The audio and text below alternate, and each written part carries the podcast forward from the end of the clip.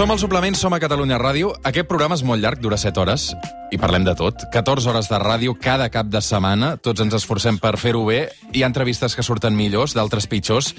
Hi ha persones que recordes durant temps, d'altres que procures oblidar. Hi ha convidats amb qui connectes, d'altres amb qui desconnectes, però per sobre de tot procurem ser professionals. Què vol dir això? Doncs que a vegades, t'agradi més o t'agradi menys el tema del qual estàs parlant, l'intentes fer interessant per l'oient. Últimament he pensat molt en una entrevista que vam fer el 28 de setembre del 2019. Aquell dia al suplement va venir el Jordi Sánchez, l'actor. Amb el Jordi recordo que vam parlar de tot, de la feina, de l'amor, de la vida, de la mort, dels amics... No ens coneixíem i em va sorprendre aquell posat reposat que res tenia a veure amb la majoria de personatges que interpreta, començant pel mític López de Plats Bruts. El Jordi Sánchez em va semblar una persona sensacional, sincera. Vam connectar. I fa poc, quan vaig veure que s'havia posat malalt per culpa de la Covid, vaig recuperar aquella conversa i vaig recordar que ens havia explicat coses com aquesta. I què et fa por? Què em fa por? Mm, em fan por moltes coses, eh? Bueno, moltes coses no. És que un dia vaig sentir aquí una entrevista amb un polític que va dir, què li fa por? I va dir, res. I vaig apagar la ràdio. per què no te'l creies? Home, doncs no sé, em, em fa por que em malalteixi la- les malalties de la gent que estimes. Això em fa, em fa por, sí. El dolor, no, al final. El dolor.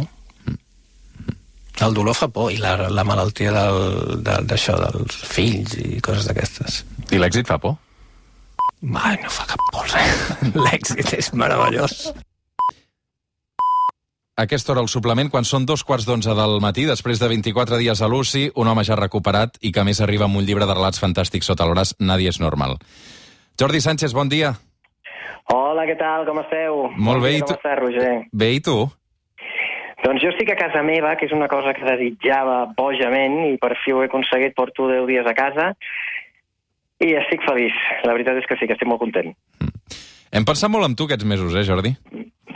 Jo no, perquè estava dormint, no he pensat en ningú. Només he fet que somiar i al·lucinar i coses d'aquestes. T'has passat 20, Terrible. 24 dies dormint, no? Sí, 24 dies. Em van posar en coma induït perquè diu que treballen millor. Bueno, jo no, no controlo gaire. I després de 24 dies em van despertar i l'evolució ha sigut molt bona i molt ràpida. M'han dit que perquè sóc jove, que és una paraula que m'encanta. M'han dit, no, has anat molt de pressa, perquè quan em vaig llevant i no podia caminar, no podia fer res, que no podia escriure. I llavors de, de, en dos dies ja podies escriure, al quart dia ja caminaves, i després, a mesura que anaves traient tota aquesta mena de droga que portes al cap, deixaves de barrejar somnis i ficció, perquè quan jo vaig tenir unes, uns somnis terribles, jo quan vaig despertar em pensava que tothom era mort, se m'havia mort un fill, els altres se n'havien anat, bueno, va- ser un món paral·lel durant 24 dies terrible. I estàs tan drogat, per dir-ho clarament, que penses que és cert.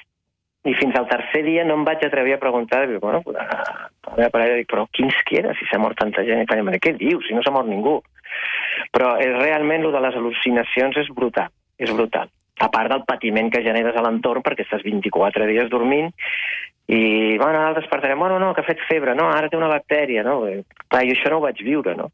I quan em vaig despertar eh, vaig preguntar, però per què esteu tan contents si no puc ni caminar? No entenc res. I llavors m'ho van anar explicant i tal. Clar, perds la... no- Estic al·lucinant en tot el que m'estàs explicant, eh? Eh, Per, perds la noció del temps completament, suposo, no? I, i em Perds sorpre- la noció del temps, sí. I- i- I, I a més a més al·lucines. O sigui, les al·lucinacions són més fortes que un somni i jo vaig començar a fer preguntes i, i tot m'ho havia inventat, o ho havia somiat, o ho havia al·lucinat, no? I curiosament, bueno, podia haver estat somiant que volava, no? Doncs a mi se'm moria mitja família. Llavors em vaig despertar supertrist, fet una merda, vaja. Mm. Déu-n'hi-do, Déu-n'hi-do. Um, també, o sigui, al·lucino que recordis tots aquests somnis, no? Perquè a vegades moltes de les coses que somiem no, no les recordem. Tu sí que les recordes i, a més a més, en un moment en què estaves amb coma induït, com expliques. No, no, jo ho recordo tot. Bueno, no sé, és que clar, no m'havia passat mai ni ganes de que em torni a passar, però me'n recordo, me'n recordo de tot.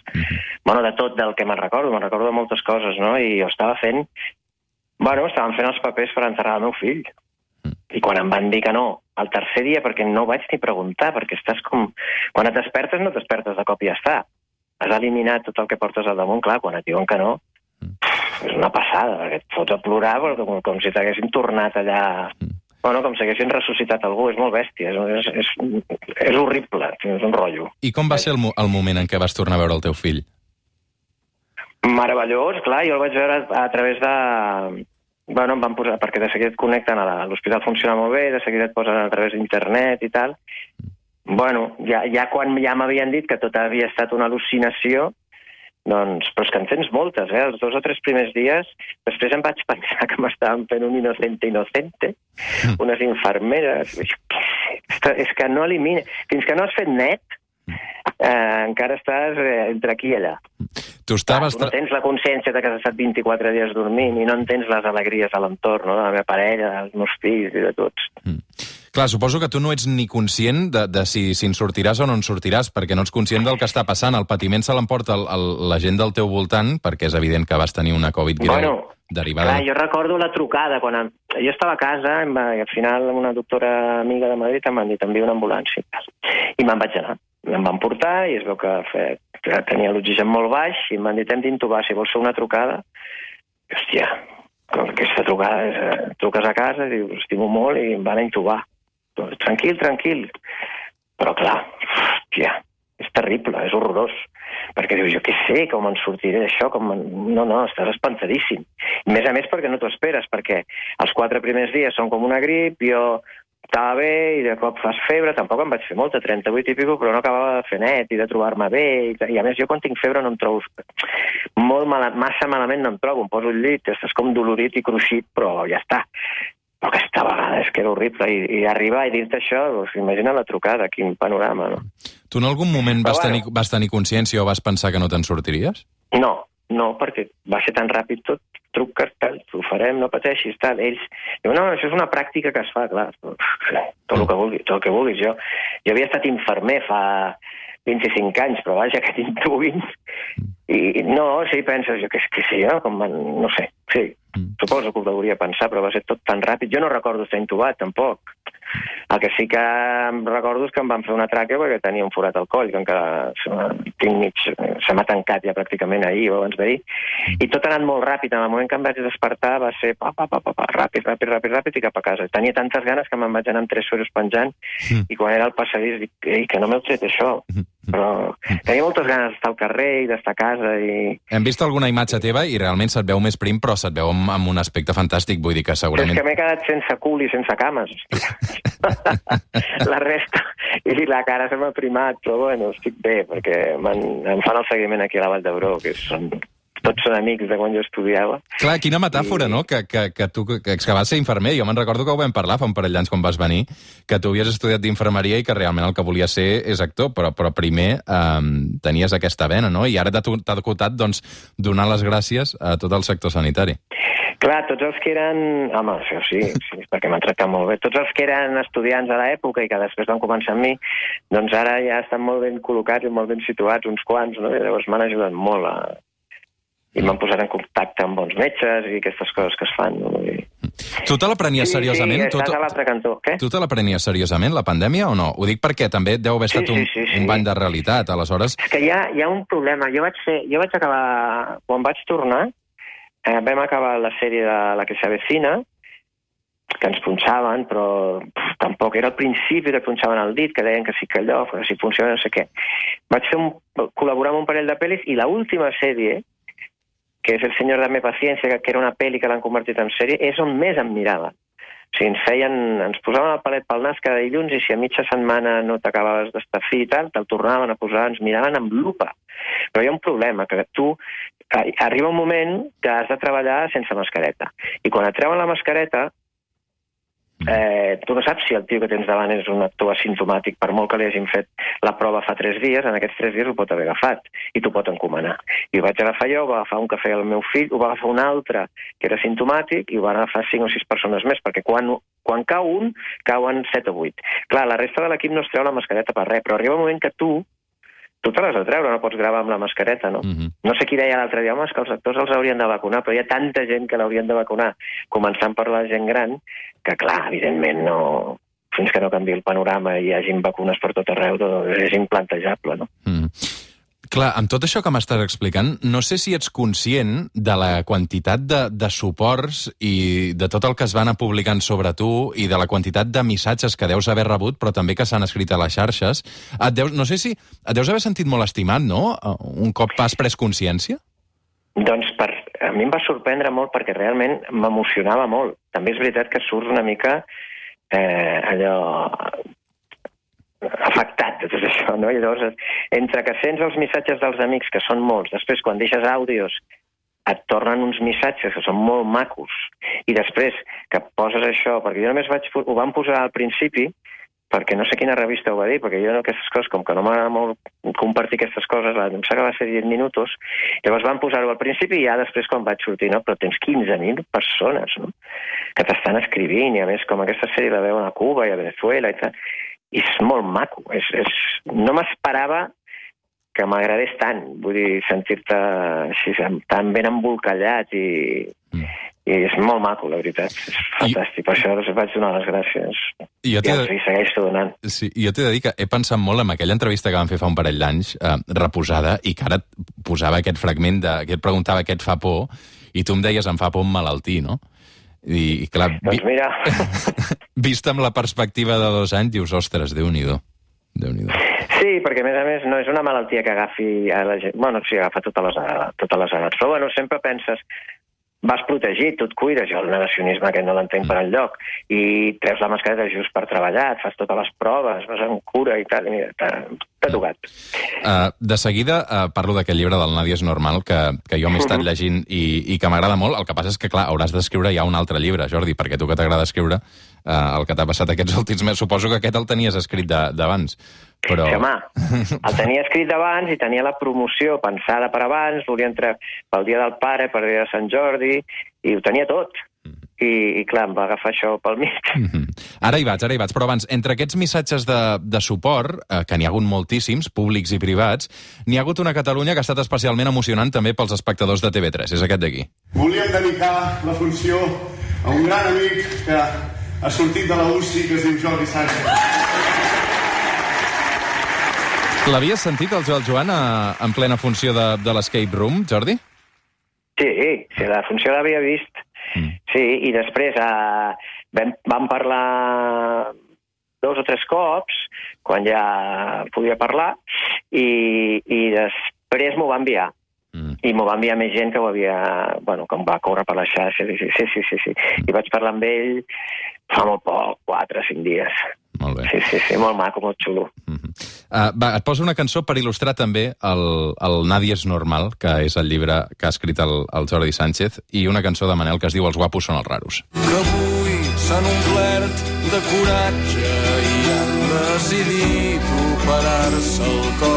Nadie és normal, diu el Jordi Sánchez, i escriu coses com, per exemple, tarde o temprano, si todo va bien y no la palmamos antes, todos acabamos siendo feos o muy feos. Con suerte, la cosa no es siempre para salir corriendo y vivimos en este lado de ausencia de belleza o fealdad evidente una parte importante de nuestras vidas. Los que fueron guapos en mi juventud ya no lo son. Aquesta frase em fa molta gràcia. Los que fueron guapos en mi juventud ya no lo son. Uh, eh, Jordi Sánchez? Bueno, és que clar, als 22, 25, tu també és, més o menys també és guapet, i va tirar, hòstia, 54, 56, i ja dius, no me cago en la... Mm. Però bueno, és el que hi ha. És el que hi ha. Clar, és que això de nadie és normal. Jo, no me'n recordo quan tenia 14 anys una nena de la classe de BUP em diu jo, quan sigui gran, vull casar-me, tenir un nen i una nena, vull ser mestra, vull ser senyoreta i, i, i viure aquí al barri. I dic, hòstia, no vull res de tot això. Casar-me, tenir fills amb 14 anys no m'interessa, ser senyoreta o, senyor, o mestra no m'interessa tampoc. Dic, soc un bitxo raro, al, al barri té en palla simpa que volia ser actor i després te n'adones que tots som friquis i que cadascú és fill de son pare i sa mare i que ningú s'assembla a ningú i que aquesta diversitat és, és la maca, no?, d'alguna manera. Però, però costa, costa. La gent s'obsessiona i té molta por de sortir-se dels models aquests de, de, habituals. Mm. Exactament què és Nadie és normal? Perquè jo he anat llegint, eh, Jordi, són, són reflexions de diversos personatges, alguns em fan pensar molt amb tu, no? Alguns semblen fins i tot reflexions personals, perquè parles també molt del teu ofici d'actor. Um, és un recull de, de, de diverses reflexions teves, algunes vinculades a través de personatges molt concrets o d'aquests maritrinis, no?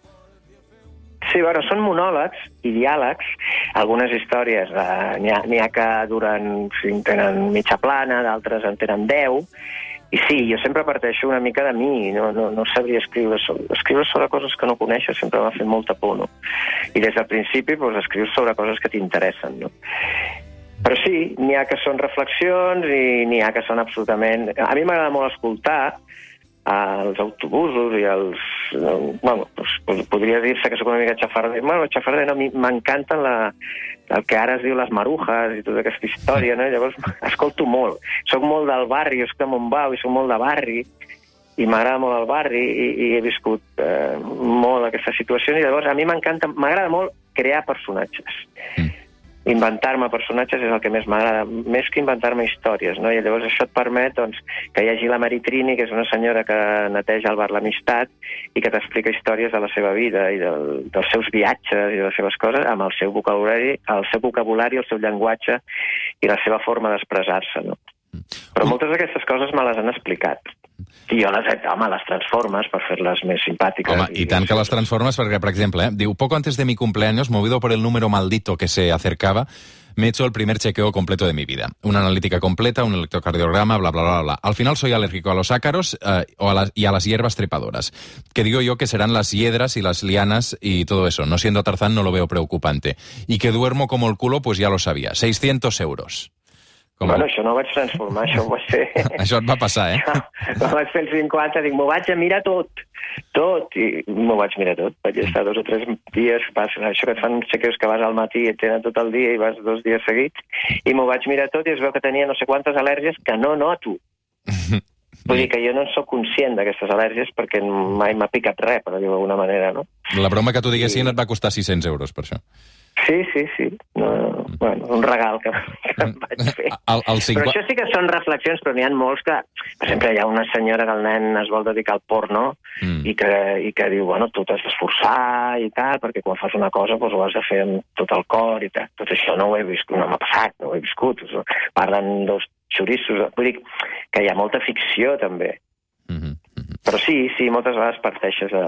Bueno, quasi sempre parteixes de tu mateix o de coses que t'interessen. Jo parlo molt, aquí en el fons, del que dèiem al principi de l'entrevista, no? de la vocació, d'aquesta vocació de voler ser alguna cosa i, i que et posen pegues a casa doncs, per la por o perquè penses eh, no se'n sortirà i, i tal. I en el fons eh, es desprèn des del primer llibre que es deia Humans que m'he trobat i, i en aquest també eh, doncs això, de les vocacions i de la necessitat de fer el que tu vols fer i de les pegues que et trobes en, en la gent que estimes, no? Mm. Ara que, que, que llegia aquest fragment que dius que quan vas fer 50 anys eh, et vas fer mirada dalt a baix eh, i després del que, tot el que t'ha passat aquests últims dos mesos, creus que et prendràs la vida diferent, Jordi? Bueno, t'agafa una cosa d'aquelles el que de veritat importa, no? Potser que no. Jo, jo tinc, a la que s'avecina tinc un horari fantàstic perquè ho vaig, ho vaig negociar així des del principi. Jo vaig demanar poder fer vacances amb els meus fills. En principi rodaven els estius i vaig dir, els estius 15 dies els necessito. I després, eh, jo els dijous tinc un horari meravellós que m'ha costat el meu temps aconseguir. Jo els dijous ja sóc a casa. La que s'avecina roda quatre mesos l'any. És com l'Andreu Buenafuente ja... una mica que fa programa de dilluns a dijous. Sí. Bueno, però l'Andreu eh, ho té millor perquè s'ha anat a viure amb la família a Madrid. Jo visc a Barcelona. Però, vaja, que jo el dijous ja sóc a casa. I aleshores, clar, com que repeteixen cada capítol, l'han fet 4.000 o 5.000 cops, sembla que estem tot el dia fent el mateix, no? Eh, aleshores, jo a les negociacions dels contractes i tal m'arreglo molt aquestes coses de guanyar temps eh, en lloc de diners, que diners en guanyo, però vull dir, lluito molt pel temps. I ara ja, doncs, amb els anys, doncs, m'ho respecten, respecten força. Mm -hmm. No he tenir temps per estar a casa. De fet, crec que moltes d'aquestes reflexions que escrius a Nadie és normal, aquest últim llibre, eh, les fas des de l'AVE, no? Amb aquest anar i venir del trajecte de Barcelona a Madrid. Eh, no sé, em fa pensar una mica en J.K. Rowling, l'autora de Harry Potter, que crec que eh, ho va parir també tot plegat en un tren. Em sembla que era als bars, no?, amb tovallons. I, eh, però és que a l'AVE, jo vaig molt còmode a l'AVE. A mi l'AVE el que no m'agrada és trobar-me gent. que et reconeguin, jo... no? Que, mira, ara amb la mascareta... No, no, amics, amics, ah. no, la, la, perquè la gent que et troba diu, ah, m'agrada molt tard, però... No, però amics, jo no em vull trobar amics de l'AVE perquè dic, oh, dues hores i mitja per mi, vaig amb, la, vaig amb tot, veig pel·lis, eh, estudio, subratllo, els guions al cap de setmana, escric... I jo jo t'hi he vist alguna, alguna, algunes pel·lis d'aquestes que programen a l'AVE. Uh, jo a tu et vaig veure la pel·li que fas amb la Sílvia Abril, de tant en tant la posen. Ah, sí, bajo el mismo techo. Correcte, correcte, correcte. Um, I ara què faràs? Tot... que m'ha trucat pràcticament cada dia m'ha enviat missatges la Sílvia, fantàstica, fantàstica. Ha estat molt, molt, molt constant. Digues, digues, perdó. No, anava a dir, Jordi, a banda de promocionar aquest llibre, eh, que des d'aquí també el recomanem moltíssim des del suplement, eh, ara què faràs? Tornaràs als escenaris? Tu vols prendre amb calma? Tele? Teatre? Perquè estaves programat just abans d'agafar la Covid per una obra de teatre a Madrid, que evidentment... Eh... No, no, però no, no, no, l'obra de teatre s'està fent. Sí, sí, sí. Perquè la, jo l'he escrit, l'obra de teatre. No vaig poder anar a l'estrena, perquè estava dormint. Aleshores, el, el, s'ha fet, s'ha estrenat en un teatre de Madrid. Jo, malauradament, em costa molt menys estrenar a Madrid que a Barcelona. A Barcelona em costa més. I llavors aquesta funció s'està fent a Madrid és de dos parelles que arriben als 50 i els que tenen 30 els hi comencen a passar la mà per la cara. Uh -huh. I, i s'està fent, està funcionant molt bé. I l'està fent el Sobera, l'Elisa Matilla i la Neus Asensi, i, i està funcionant molt bé. Però jo hi vaig poder anar mm, quan vaig sortir de l'hospital l'endemà que el Sobera també em va posar allà dret i em va fer com un homenatge Mm. molt emotiu i tal. I s'està fent, perquè jo fer teatre, des de que faig la sèrie de Madrid, no n'he fet com a actor, -huh. perquè no puc, perquè si em surt teatre a Barcelona no puc fer la sèrie a Madrid, i si em surt a Madrid no puc tornar a Barcelona a estar a casa, que, que a mi m'agrada molt estar a casa, llavors de moment ho tinc aturat. I el que sí que faig sempre és escriure, segueixo escrivint teatre amb el Pep Anton Gómez, que fa 20 anys que escrivim plegats, i, i televisió o cinema, no? Però ara jo vull estar a casa fins l'estiu. Uh, S'entén perfectament. Una cosa que al·lucino i que em pregunto és per què dius que et costa tant uh, estrenar a Barcelona un text teu? Bueno, quan nosaltres érem companyia, fèiem el pack, no? Érem els Esplats Bruts, que, que teníem un text nou, i, però em costa més. Vull dir, Però és que, escolta'm, però és que tu si, facilitat. però si estrenes una cosa a Barcelona, omples el teatre de sol, uh, encara No, que no, no com a actor. Ja ho sé, com ja ho sé, autor, sí, ja ho sé, autor. ja ho sé, com a autor, també com a autor, Jordi. Bueno, Bé, no sé. Bueno, quan vas a veure productors... No, no, vull dir, a veure, jo tinc molt, molt bona relació amb Focus i, de fet, la gent que estrena a Madrid són socis de Focus, vull dir... Però, bueno, a Madrid eh, bueno, també hi ha una qüestió econòmica que, que estem més tocadets aquí i allà doncs, m'ha costat menys estrenar. Mhm. No, no, jo encanta, a mi m'encanta estrenar a casa meva. Vull dir que... Eh, Que sí, sí, no, no. I, i, i ganes també que tenim de, de veure't aquí. Uh, Jordi, m'ha encantat uh, tenir-te una estona per aquí, uh, poder-te saludar. Sé que has fet un esforç també avui per, per nosaltres, t'ho agraeixo moltíssim, ja ho saps. I ara? I... Jo encantat. Eh? Sí. Xerrem bé, tu i jo. Sí, xerrem, és que, és que jo crec que, a vegades, eh, jo ho deia al principi, no, no passa sempre, a vegades connectes amb una persona i, i a més, clar, a mi- amb tu em va passar una cosa, i és que jo tu no et coneixia, i fa un parell d'anys quan et vaig entrevistar, clar, vaig veure, no té res a veure... A vegades fas personatges molt histriònics, no?, sobretot vinculats a la tele, això que, que comentàvem. Um, Sí, però el, el, el, aquella energia la deixo allà, perquè si, hòstia, si anés per la vida així, estaria ja fet caldo, perquè és veritat, són personatges tan nerviosos i agarrotats, i no baixis, no baixis, no baixis, hòstia. Sobretot aquest ul, aquest darrer, és, és, és molt així. Però, bueno, Uh, però, però, clar, i després el que passa és que és evidentment que ets, que ets una persona molt més reposada, no? I, Sí, i, sí, la veritat és que sí. i, i crida l'atenció. Vull dir que a vegades um, sí que hi han actors que s'assemblen més a alguns dels personatges que interpreten. En el cas de Jordi Sánchez això no passa i això precisament demostra uh, el, el gran actor que, que és.